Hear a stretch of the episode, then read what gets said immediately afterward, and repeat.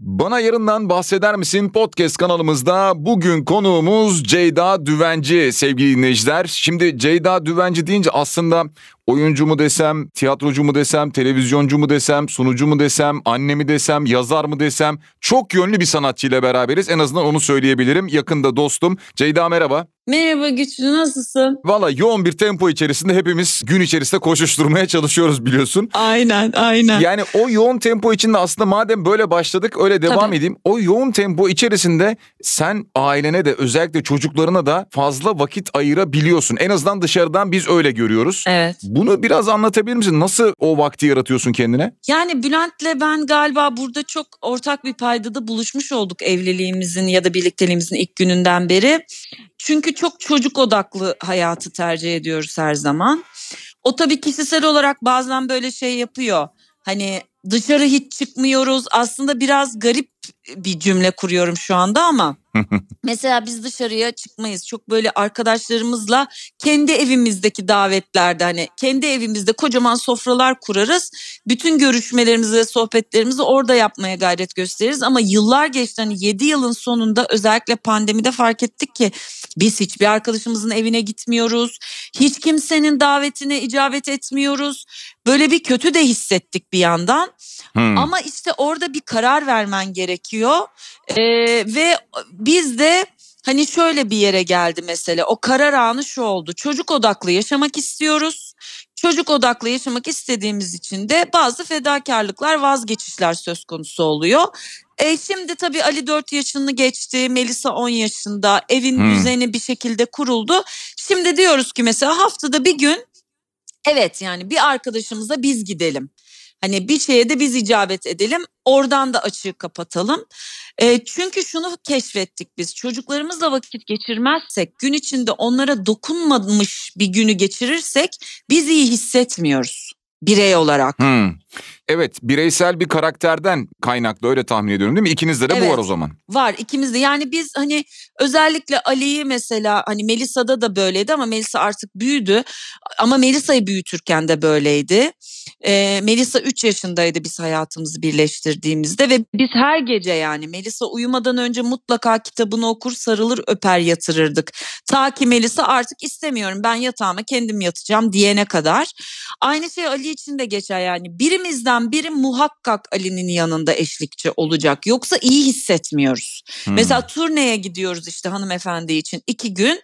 Döndüğümüzde böyle iki gün evden çıkmak istemiyoruz. O açığı kapama hali. Biraz tabii dediğim gibi garip gelebilir. Ya bu da ne bağımlılık yani duygusu yaratabilir ama biz buradan besleniyoruz. Yani onları gördüğümüz zaman, yanında olduğumuz zaman. Sizi bu mutlu ediyor yani neticede. Evet çünkü diyoruz ki büyüyecekler ve istemeyecekler, büyüyecekler ve gidecekler. Yani o zamana kadar en olabildiğince yanlarında olalım gibi bir hal aslına bakarsan. Ama Ceyda bir yandan şunu da görüyorum yani sadece böyle bir yanlarında bulunuyor olmak için vakit geçirmek değil. Aynı zamanda e, küçük yaştan itibaren de ciddi şekilde eğitimler de veriyorsunuz bir yandan. Yani eğlendirirken eğitim de veriyorsunuz. Onun da farkındayım ben Bülent'le beraber.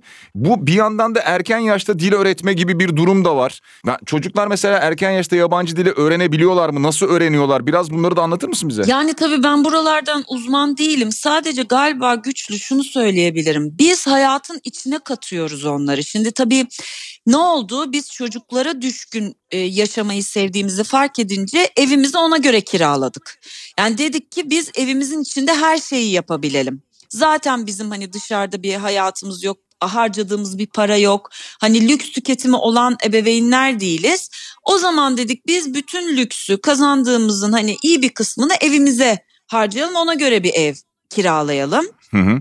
O zaman da atıyorum işte Bülent ahşap yapmayı seviyor. Ahşapla ilgilenmeyi seviyor. Bir şeyleri elinde yapmayı seviyor. Bizim evimize mesela hiç tamirci girmez. Hani te- Ne güzel. Su, hani su tesisatından tut elektriğe kadar her şeyi Bülent yapar.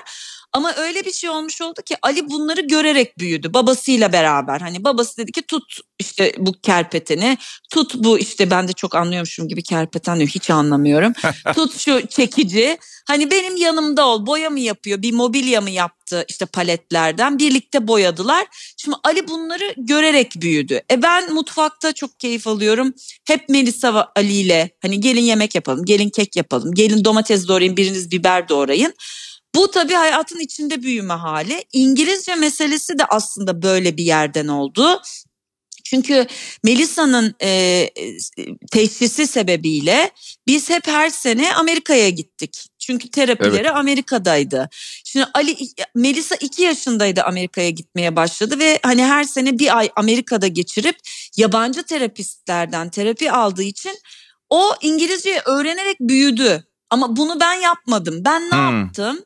İşte her sene bir ay Amerika'da ve işte orada geziyoruz. İngilizceyle doluyor kulağı hani kulak dolması derler ya e, yabancı dile. Evet. E ne yaptım? 11 ayda da çizgi filmleri İngilizce izlettim. Olabildiğince ben onunla İngilizce konuştum ve Melissa İngilizce bilerek büyümüş oldu. Bu bizi çok etkiledi. Bu sefer dedik ki Ali işte biz bir sene biz baktık Bülent'le kimseyi istemedik yanımıza. Ali bir yaşına geldi Bülent çalışmaya başladı. Ben biraz iş hayatına dönünce yardımcımızı Filipinli olmasını tercih ettik. Çok iyi bir İngilizceleri yok ama İngilizce konuşuyorlar. Ha, İngilizce olsun diye. Hmm. Evet hani İngilizce konuşsun diye ve ben de Ali ile İngilizce konuştum. Melisa da İngilizce konuştu. Cema da İngilizce konuştu ve hani iki sene iki buçuk sene Cema ile beraber olunca Ali o da İngilizce bilerek büyümüş oldu. Hani hmm. biz böyle zorla İngilizce dersi vermek gibi değil. Artık şimdi işte doğru gramer öğrensin mesela Ali anaokula başladı. İşte online'da çok güzel bir program var. Oradan haftada iki gün canlı ders yapıyor bir İngilizle birlikte yani yabancı bir öğretmenle. Hı hı. Anaokulunda takviyesini alıyor. Bir altyapı var. Şimdi doğru grameri öğrenmeye başlamış olacak aslına bakarsan. Aslında bu tabii şimdi sen anlattıkça anlıyorum ki planlanmış aslında. Yani ama böyle bir ders şeklinde olsun diye değil de az önce senin söylediğin gibi yine hayatın içinden yani hayatla beraber devam ederken bir yandan bunlar öğrenilsin diye bir girişiminiz olmuş ki evet. tutmuş gibi de görünüyor. Biraz önce sen Melisa'dan bahsederken ben bir yandan tabii yakından biliyorum sen de sürekli bir destek ve mücadele içerisindesin ve Amerika'ya da gidiyorsunuz zaman zaman. Serebral palsiden biraz bahsedebilir misin? Şimdi bir defa birincisi hiç bilmeyen için bir rica ediyorum lütfen nedir serebral palsi bunu. İkincisi ülkede farkındalık oluşturmak için ne gibi görevler düşer bize bir de onu anlatabilir misin? Yani tabii gene uzman bir yerden değil deneyimsel bir yerden bunu söyleyebilirim. Tabii. Serebral palsi erken yaş dön- döneminde yani ilk 4 yaş aslında yanlış bilmiyor isem uzmanların söylediği ilk 4 yıl içinde beyin deformasyonu sebebiyle yaşanan gelişim geriliği oluyor. Yani bedensel, zihinsel olabilir hı hı. bu. E, ama hani belli bir yaştan sonra gördüğünüz beyin deformasyonu serebral palsi sayılmıyor. Belli bir yaş öncesi beyinde hmm. olan bir deformasyon ama bu o kadar kişiye özel ki çünkü zaten beyin yani nörobilim çok e, böyle gelişiyor her gün. Her gün ezber bozan e, yayınlar var ve çok heyecan duyuyorum onları araştırıp okumaktan ama gene de hani biz beyni çözdük kardeşim yüzde yüz budur dediğimiz kalp gibi mide gibi bağırsak gibi bir organ değil beyin. Her gün bir şey öğreniyoruz. Dolayısıyla senin beyninle benim beynim evet bölgesel olarak biliyoruz hangi bölgenin neye hizmet ettiğini ama e, hangimizin o beyninin o bölümü iyi çalışıyor, az çalışıyor, çok çalışıyor, yeterinden fazla çalışıyor. Bu çok kişiye özel. Dolayısıyla serebral palsi de çok kişiye özel bir tanı. Çünkü Melisa ile birebir aynı beyin kanamasını geçirmek, aynı şiddette geçirmek, aynı yerinde geçirmek hadi tuttu. Aynı şiddette, hmm. aynı beyin bölgesinde oldu ama zamanı atıyorum Melisa bir günlüktü beyin kanaması geçirdi. İki günde hmm. aynı bölümde bölgede beyin kanaması aynı şiddette farklı tezahür ediyor. Çünkü beyin 24 saat daha gelişmiş oluyor. Ya da işte o, o bölge belki hiç gelişmemiş oluyor, deforme olmuyor ama başka bir bebekte o bölge çok gelişmiş oluyor, deforme oluyor ve bir etkisi oluyor gibi gibi çok bireye bağlı bir şey serebral hmm. palsi. Ama hani en önemli şey ne? Erken bebeklik çağında olması gerekiyor. Beyin deformasyonu olmuş olması gerekiyor ve bunun bedende bir tezahürü olması gerekiyor. Anladığım kadarıyla çok büyük bir ilerleme kaydettiniz değil mi? Yani e, şükür diyelim biz en azından hani Melisa'nın deformasyonu karşılığında hani nöroloğunun dediğini tam söylemem gerekirse gördüğüm MR'ın karşılığı bu çocuk olmamalı. Yani bu MR'ın karşılığı Melisa değil der nöroloğu Serap Hanım. Dolayısıyla bu demektir ki hani bu e, MR'a göre çok daha kötü durumda olması gerekiyor. Bu çocuk hmm. bu MR'ın sahibi değil hani çok büyük bir gelişmesi var. Bu çok kıymetli bizim için çok mutluluk çok. verici bir şey. Yani şöyle tabii ki senin özelinde sizinle ilgili çok kıymetli bir yandan da bu tip durumları yaşayanlar için de çok değerli bir deneyim aslında. Evet. Yani bununla başa çıkmak, mücadele etmek, bütün hayata bunu yaymak, hayatın her alanına bunu katmak daha fazla demek ki gelişime yol açıyor ki bu açıdan çok önemli. Evet. Ceyda buradan şunu soracağım. Ee, bir başka yere geçeceğim ama vakitten dolayı. Taş kağıt makas atölyesi var. Bu atölyeyi kurdun. Hı hı. Bir bu atölyeyi biraz anlatır mısın bize? Bir de şu anda nasıl gidiyor? Hemen anlatayım. Bir önceki soruya küçücük bir cevap daha vereceğim ben birebir sorulara cevap vermiyorum bana arayıp ulaşmak isteyenlere çünkü çok şahsa münasır bir rahatsızlık olduğu için. Ama hmm. biz yolculuğumuzda deneyimlediğimiz her şeyi ben mutlaka paylaşıyorum sosyal medyada. Bu iyi gelir kötü gelir anlamında değil. Ben böyle bir şey buldum siz de bir bakın anlamında. Bunu bir netleştirmek istedim. Ne yapabiliriz demiştin serebral ile ilgili güvendiğiniz derneklere e, yardım yapabilirsiniz. Çünkü birçok çocuk hayatı küçücük bir dokunuşla değişmek için bekleyen birçok çocuk var. Dernekleri araştırıp güven duyduğunuz bir tanesine hani bir çocuğa bir yardım etmek bile çok kıymetli. Taş kağıt makasa gelince Taş Kağıt Makas Atölyesi bizim ebeveynlerle duygu durumları ve duygu durum değişiklikleri çalıştığımız bir atölye. Ben orada sadece organizasyon bölümündeyim. Daha kendi eğitimlerimi, bireysel eğitimlerimi tamamlamadığım için alanda uzman olarak çalışmıyorum. Ama içerik geliştirmek ve uzmanları atölye programları ile birlikte ebeveyn ve çocuklarla buluşturma üzerine organizasyonlar yapıyorum. Atölyeyi e, üniversiteden sınıf arkadaşım Aslı ile birlikte kurduk. Hı hı. Dolayısıyla finans bölümü ve koordinasyon Aslı da iş geliştirme ve uzmanlarla ebeveynleri ve çocukları buluşturma bende. Ben sadece şu anda kitap kulübü yapıyorum. Duygu durumları ile ilgili kitaplar okuyoruz ebeveynlerle ve bunun üzerinden yolculuklar yapıyoruz. Ama eğitimlerimi tamamladığımda ben de içerik oluşturmaya başlayacağım. Salt hedefte şunu hedefliyoruz. Duygularını bilmeyen, duygularını doğru ifade edemeyen ve duygularını doğru ifade edemediği için de karşısındakine aktarım sağlayamayan bireyler doğru ilişkiler kuramaz. Önce kendi duygularımızı doğru tanıyalım. Sinirlendik ve endişelendik mi, öfkelendik mi, hayal kırıklığı mı yaşıyoruz? Bunu da birebir dile getirelim karşımızdakine. Çünkü hata yapmak hepimize mahsus. Bunu onarmak kıymetli. Ben sinirlendim ve kalbini kırdım. Aslında şöyle bir şey yaşadım ve sinirlendiğim için senin kalbini kırdım. Özür dilerim diyebilen ebeveynler ve bireyler oluşturabilmek ve bu noktada da duygularını tanıyan çocuklar e, yetiştirebilmek ve ilişkileri doğru güçlü kurabilmek, güven ortamı sağlayabilmek aile içinde.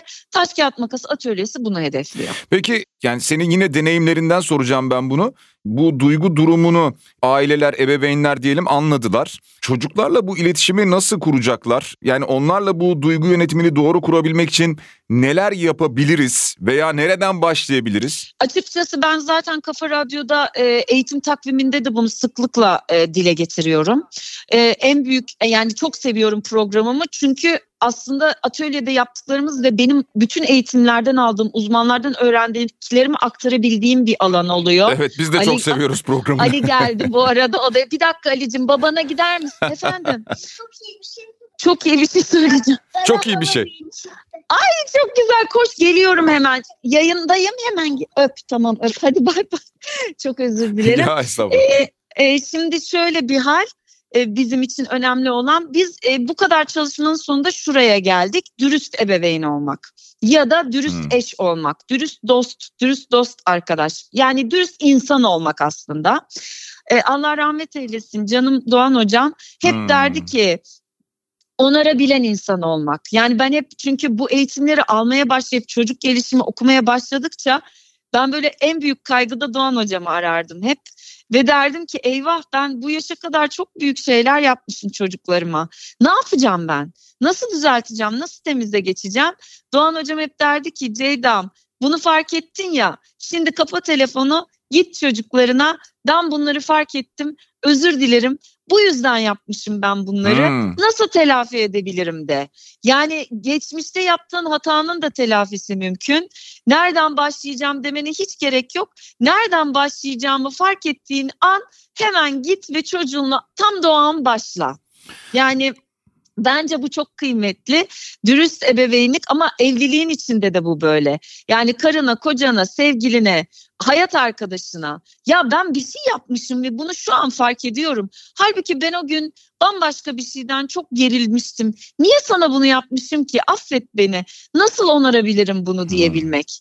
Hani aynı şeyi birey saydığın çocuğuna da yapabilmek. Bunu çok fark etmiyoruz herhalde günlük yaşam içerisinde. Yani neyi neden yaptığımızı çok fark etmiyoruz. Bir de bizde çok özür dilenmez. Yani evet. öyle bir toplumuz genel olarak. E, hiçbirimiz genelde özür dilemekten yana değilizdir. Maalesef. Aslında evet senin söylediğin gibi özür dilense zaman zaman ben de böyle şeyler yaşadım. Özür dilendiği zaman karşı taraf da daha olumlu ve daha yakın bir adım atabiliyor. Evet. Ama söylediğin gibi çok fazla özür dilemiyoruz biz genelde. Ben de öyleydim. Özür dilemeyi hiç bilmiyordum. Bülent'le öğrendim. Ben de böyle gerginliklerde, tartışmalarda kendini odaya kapayan e, ben şimdi çift terapisi eğitimleri de alıyorum. Stent Etkin'de bu duvar örme diye e, karşılığı var. Hemen duvar ören biriydim.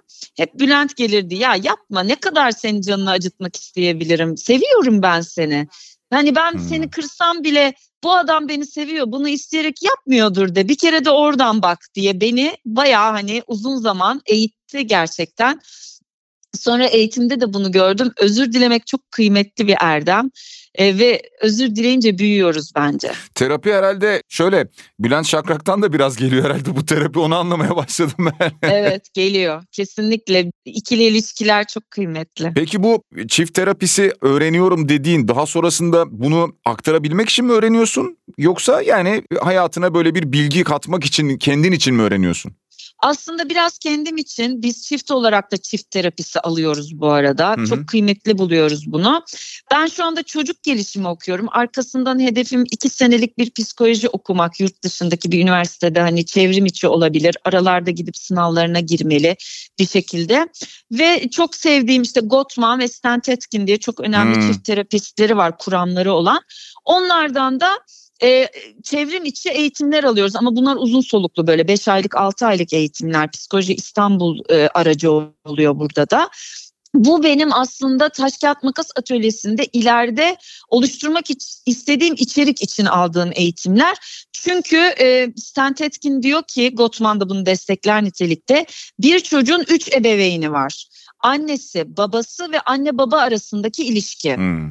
E, anne baba arasındaki ilişki çok kıymetli çünkü bu boşanmaların fazlalaştığı bu dönemde boşansan bile anne baba olarak kalma hali oradaki anne baba ilişkisi üçüncü ebeveynlik en kıymetli ama evliyken de birlikteyken de o aralarındaki ilişkinin üçüncü ebeveyn olma hali çok kıymetli. Biz de taş kağıt makas atölyesi olarak tam bu üçüncü ebeveynliğe çok odaklanıyoruz. O yüzden bu eğitimleri alıyorum. O üçüncü ebeveynliği e, anlatabilmek için. Şimdi sen bunları anlatırken bir yandan şunu düşünüyorum. Yani programı açarken dedim ya ne desem bilemedim. Yani işte oyuncu diyelim, yazar diyelim, anne diyelim, girişimci diyelim birçok şey var. Ama bir de şimdi bunun üzerine bu eğitimleri aldığını da duyuyorum. Ve ayrıca ileride okumayı da yine üniversiteyi bitirmeyi de planladığını anlıyorum ki... Bütün bunlara peki dışarıdan bakınca çok anlaşılmıyor. Nasıl vakit buluyorsun veya şunu sorayım. Seni ben ne zaman görsem yüzde doksan öyle söyleyeyim enerjik görüyorum. Evet. Böyle bir, bir pozitif enerjiyle geliyorsun. E, bu çalışmalar için nasıl bir motivasyon kaynağın var? Güçlü sevdiğim şeyleri yapıyorum. Oyunculuğu çok seviyorum ama mesela dört sene yapmadım. Ee, Ali'yi büyütmek istedim. Biraz hayatıma bakmak istedim. Hatta bunun bir senesi İstanbul dışında yaşadık. Aslında hayatta ne istediğimi buldum. E, ve onun içinde kendimi eğitmeye başladım. Oyunculuğu hala çok seviyorum. Mesela bu sene İstanbul'a döndük ve ben bu sene bir dizide oynayacağım 4 sene sonra. Ama onu da çok imtina ederek seçiyorum. Yani gerçekten içime sinsin, oyunculuğumu gösterebileyim, birikmişleri aktarabileyim ama bir şey de anlatsın. E, ve mesela 4 aydır yaklaşık 7-8 tane senaryo okudum. Hiçbiri e, kalbimi çarpmadı yani kalbimin çarpmasına sebep olmadı. Eskiden böyle değildim. Hmm. Yani evet şansıma çok güzel işlerin içinde işlerin parçası oldum ama bu tamamen şanstı. Seçim değildi. Tiyatro mesela hanımefendi oyununu oynamaktan çok keyif alıyorum ama bunun da bir amacı var. Eşi, yani Bülent yazdı hanımefendi. Evet. Onun içinde de e, sevgili olma halinin önemini anlatan psikolojik bir yer var.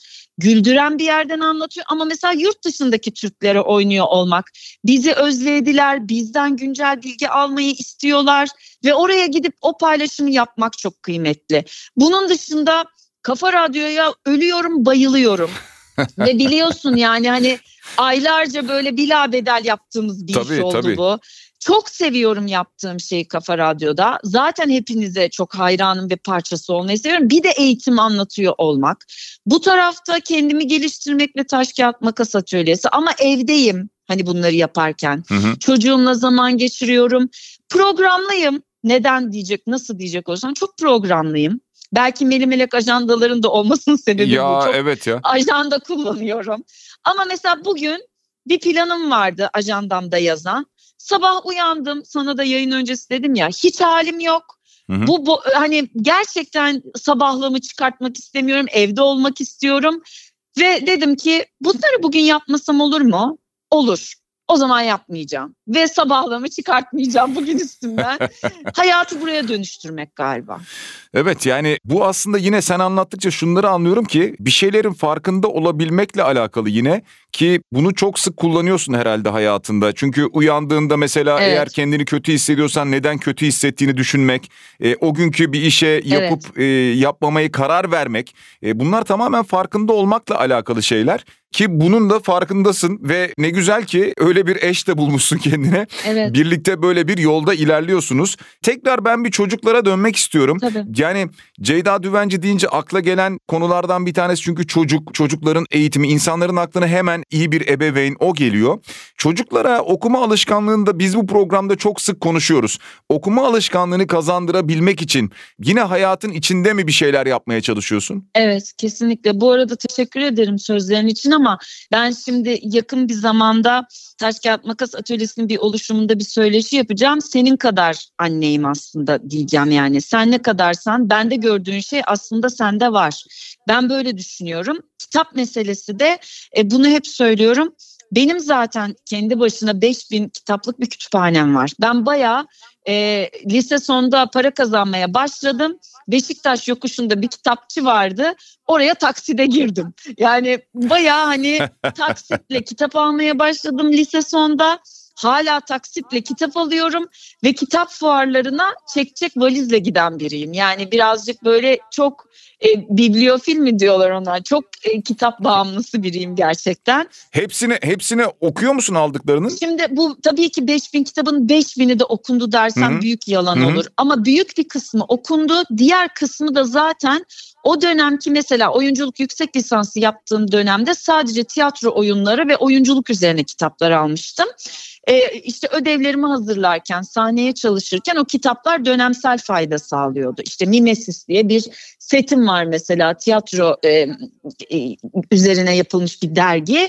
E, işte o dergi artık yok. O dönem hepsini almışım. Artık çok kıymetli yayınlar bunlar. Hmm. Şimdi işte e, çocuk gelişimi okuyorum. Dolayısıyla şimdi arkamı dönüyorum. Kütüphanemde bütün sıralar çocuk gelişimi ve ebeveynlik üzerine. En sonda işte aldığım kitaplar gene e, onları anlatan işte e, Winnicott bu oyun terapisinin e, yaratıcısı oyun ve gerçeklik kitabı yazmış. Küçük bir kız çocuğunun psikanalizle tedavisine öyküsünü yazmış. Dersten sonra hemen onları sipariş ettim. Bunlar mesela böyle hemen hepsi okunmuyor ama ders sırasında destek alıyorum. Ya da mesela Kafa Radyo'da programa çalışırken e, beğeniyorum bir bölümün altını çiziyorum hemen onu yayında söylüyorum hmm. gibi. Hani bunlar bana eşlik eden kitaplar. Dolayısıyla da çocuklar beni hep böyle kitapların arasında görüyor. Babamız zaten yani Bülent çok gazete okuyan, dergi okuyan, kendi alanındaki kitaplara çok bakan bir baba. E, dolayısıyla anne babayı okurken görüyor. Bu çok kıymetli. İkincisi de hep söylüyorum evin her tarafında kütüphanemiz var. Bunun böyle illa büyük paralarla yapılmasına gerek yok. Plastik Montessori kütüphaneleri taşınabilir. Ama mesela hmm. salonda var, koridorda var, çocukların odasında var, bizim odalarımızda var, yatak odalarında var. Döndüğü zaman hep bir kitap görüyor çocuk. Mutlaka görüyor. Bu çok önemli. Evet çok önemli çünkü şey yani genelde öyle derler ya aslında işte çocuğum, oğlum, işte evladım, kızım kitap oku demek yerine anne baba kitap okuyorsa, çocuk onu görüyorsa Tabii. oradan daha çok alır derler. Aynen. Ki bu da önemli. Yine o ortamı siz aslında bilerek veya bilmeyerek ama bilerek daha çok bilerek. oluşturmuşsunuz. Yani evet, bilerek oluşturmuşsunuz. Mutfakta bile kütüphanemiz var. Bütün yemek kitapları mutfakta. Bir şey yapmak istediğimizde ben ezberimde bilsem bile ya gelin şu kitaptan bakalım. Hani yemek tarifi kitaptan öğrenebilirim. Mesela geldi çok mutsuz duygu kitaplarımız var çocuklar için. Diyorum ki mutsuz musun? Bugün üzüntüyle ilgili bir kitap okuyalım. Mutsuzlukla ilgili bir kitap okuyalım. Bakalım bize ne diyecek? Onu alıp okuyoruz o gece ve zaten bir yönergesi oluyor içinde mutlaka. Yani diyelim bir seyahate çıkacağız. İşte Amerika'ya gideceğiz. Aa Amerika'ya bir kitaptan bakalım. Ya da işte hmm. Ali bu aralar uzay öğreniyor, gezegen öğreniyor. Gel bütün gezegen kitaplarını alıyorum alabildiğim kadar bütçem yettiğince. Gel her gece bir gezegeni başka bir kitaptan öğrenelim. Dün gece uzay kitabı okuyup yattık mesela. Ben de öğreniyorum. Ben de anlıyorum neler olup bittiğini gibi. Yani bana da yardım ediyor mesela. Ya şimdi birden aklıma geldi. Ali deyince geçen gün galiba sizi de boyuyordu değil mi? Yani hem Bülent'i evet. boyarken hem seni boyarken gördüm. Hepimiz gezegen olduk. Güzel yani bir yandan böyle bir iletişim de var. Ceyda bu son bölüm içerisinde şunu sormak istiyorum. Şimdi bu podcast kanalının adı Bana Yarından bahseder misin? Evet. O nedenle biraz yarına dair, geleceğe dair bir şey sormak istiyorum. Eğitimle ilgili genel olarak çocukların eğitimiyle ilgili gelecekte bir takım şeyler değil değişecek mi? Örneğin e, şunları sormak istiyorum. Mesela bu yaşadığımız pandemi döneminde uzaktan eğitim girdi hayatımıza. Okula gitmemek gibi uzaktan eğitim alabilme ihtimali var. Çocukların e, bu uzaktan eğitime daha fazla yöneleceğini, ileride eğitimin buraya döneceğini, sınıfların belki daha çok ortadan kalkacağını fiziksel olarak Bunları düşünüyor musun veya bunlar duygu durumlarına nasıl etki eder sence? Ya bir uzman değilim güçlü ama e, hani tahminin ebeveyn olarak ve hani 4 senedir bu konuyla ilgilenen biri olarak sana iyi şeyler söylemeyi çok isterdim. Ama çok iyi şeyler söyleyemeyeceğim. Çünkü evet maalesef bir bireysellik başlıyor bence. Biz de şimdi mesela atölyede kolektif çalışmalara çok önem vermeye başladık. Çünkü çocuklara e, çocuklar bilmiyor kolektif olmak ne demek. Yani birlikte bir şey yapma hali. Çok kendi alanlarında kaldılar. O yüzden benim çok e, tedirgin olduğum yerler var. Maalesef çocuk gelişimi okuyorum diyorum ama göğsümü gere gere de bunu söyleyemiyorum. Çünkü çocuk gelişimi eğitimlerinin içeriği de beni çok üzüyor ve çok kaygılandırıyor. Yıl 2021 bunu sosyal medya hesabımda da paylaştım. paylaştım. Değişmesi için de her yerde bağıracağım yani sesim yettiğince. Ben 2021 yılında çocuk gelişimi son sınıf öğrencisiyim. 4 yıllık bir eğitim bu. Son sınıftaki dersimde bir uzmanın hala ödül cezadan bahsettiğini dinlediğimde çok üzülüyorum. Hmm. Hala eğitimin içinde çocuk yanlış bir şey yaptığında yüzünü e, duvara dönecek ve yaşı kadar dakika orada duracak ve iletişimi keseceksiniz gibi bir öğreti alıp sınavda da bunu böyle yapmazsam o okuldan mezun olmayacağımı biliyor olmaktan çok mutsuz ve üzgünüm. Ee, ve güncellenmemiş bu bilgilerin yani çocuk gelişimi konusunda bile güncellenmemiş bu bilgilerin pandemide güncellenmemiş olmasından da çok endişeliyim ebeveyn olarak. Çünkü iki sene pandemi daha bir senesi daha var bu işin sonra yeni normal dönemi var ve ben hani uluslararası platformda da çok ciddi böyle APA'ya üyeyim. Oradan eğitimler alıyorum. Amerika'nın Psikoloji Derneği'nin kurduğu e, internet hmm. sitesi. Travmaya bağlı farkındalık programına üyeyim. Yurt dışında orada eğitimler alıyorum ve birçok böyle çocuk gelişimci takip ediyorum yurt dışında. Onlar mesela çok güncel bilgiler veriyorlar. Ben mesela şimdi porno kültüründe çocuk yetiştirmek eğitimi alıyorum. Çünkü çocuklar bireyselleşti, evdeler, sürekli bilgisayar başındalar ve o bilgisayarın her yerinde porno kültürü var. Çocuğu içeri çekmek için. Orada ebeveyn olma hali. Mesela ülkemizde yok şu anda bu eğitimi veren bir yer ve buraya dikkat çeken bir yer. Biz taş kağıt makas olarak buradan bir dikkat çekmeye çalışıyoruz ve işte şimdi eğitim programları oluşturuyoruz.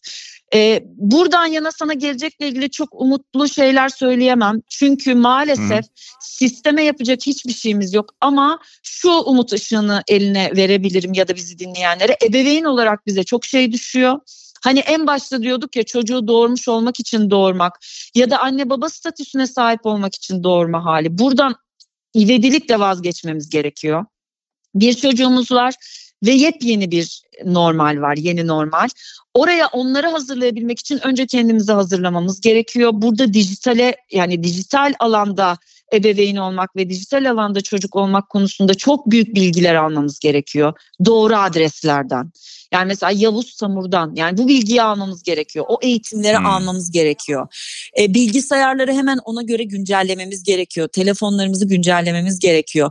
Ancak ebeveyn olarak çocuğumuzu koruyabilirsek beden algısı, beden saygısı, işte farklılıklara saygı göstermek, e, seçimlere, tercihlere saygı gösteren bireyler yetiştirmek. O zaman mesela porno kültüründen korumuş oluyoruz. E, bir erkek çocuğu kız arkadaşının bedenine saygı duyarsa, onun bedenindeki gelişmeleri regle olmasını bilir, buraya saygı duyarsa pornoya yanaşmıyor. Çünkü diyor ki niye ben başkasının bedeninden faydalanayım? Niye böyle bir yere hizmet edeyim? Kendi bedeninin mahremini anlarsa niye ben sosyal medya üzerinde ya da bu işte e, TikTok'larda, Snapchat'lerde onlara yapılan tekliflere karşı açık olmama hali bedenine saygı duyduğunda başlıyor gibi konuşursam 5 saat konuşurum. Buralardan çok korumamız gerekiyor. Yani buradan başlıyor eğitim artık. Anlattıkların her biri tek tek çok önemli. Gerçekten söylediğin gibi yani 5 evet. saati bile geçer. Çünkü her bir verdiğin geçer. başlık üzerine saatlerce konuşulabilir. Evet. Hatta zaman zaman böyle bazı sosyal medyada tuhaf böyle tepkilerin olduğu anlar da oluyor. Yani bazı konuları Türkiye'de açabilmek de zor oluyor. Ama yine de bunları birilerinin açması, anlatması gerekiyor ki evet. e, bu noktada da e, öncü isimlerden birisi olduğunu düşünüyorum. Evet. Çok dayak yiyorum evet. Ee, ya işte yani çok fazla sosyal medyaya bazen aldırış etmemek gerekiyor. Hiç önemli değil ya. Aynen öyle. Ceyda çok teşekkür ediyorum katıldığın için sağ ol. Ben teşekkür ederim güçlü güzel olsun, yarınlar güzel olsun. Yani yarından bahseder misin? Şu anda bahsedemem ama yarınla ilgili güzel hayallerim var ve bu hayallerim için hep öyle bir söz var ya. Hı hı. E, bugün okuduğun, bugün izlediğin, bugün dinlediğin yarın senin hayatının aslında belirtisi. Ona göre okuyup dinleyip konuşmaya gayret gösteriyorum. Çünkü yarından çok umutluyum. Umarım güzel olur her şey. Bak sonda bile aslında biraz böyle negatif bir hava varken dedim ya Ceyda olunca hep bir pozitif hava geliyor. e, final, finali evet. öyle oldu programın. Çok teşekkürler sağ ol. Ben teşekkür ederim. Çok öpüyorum sevgiler.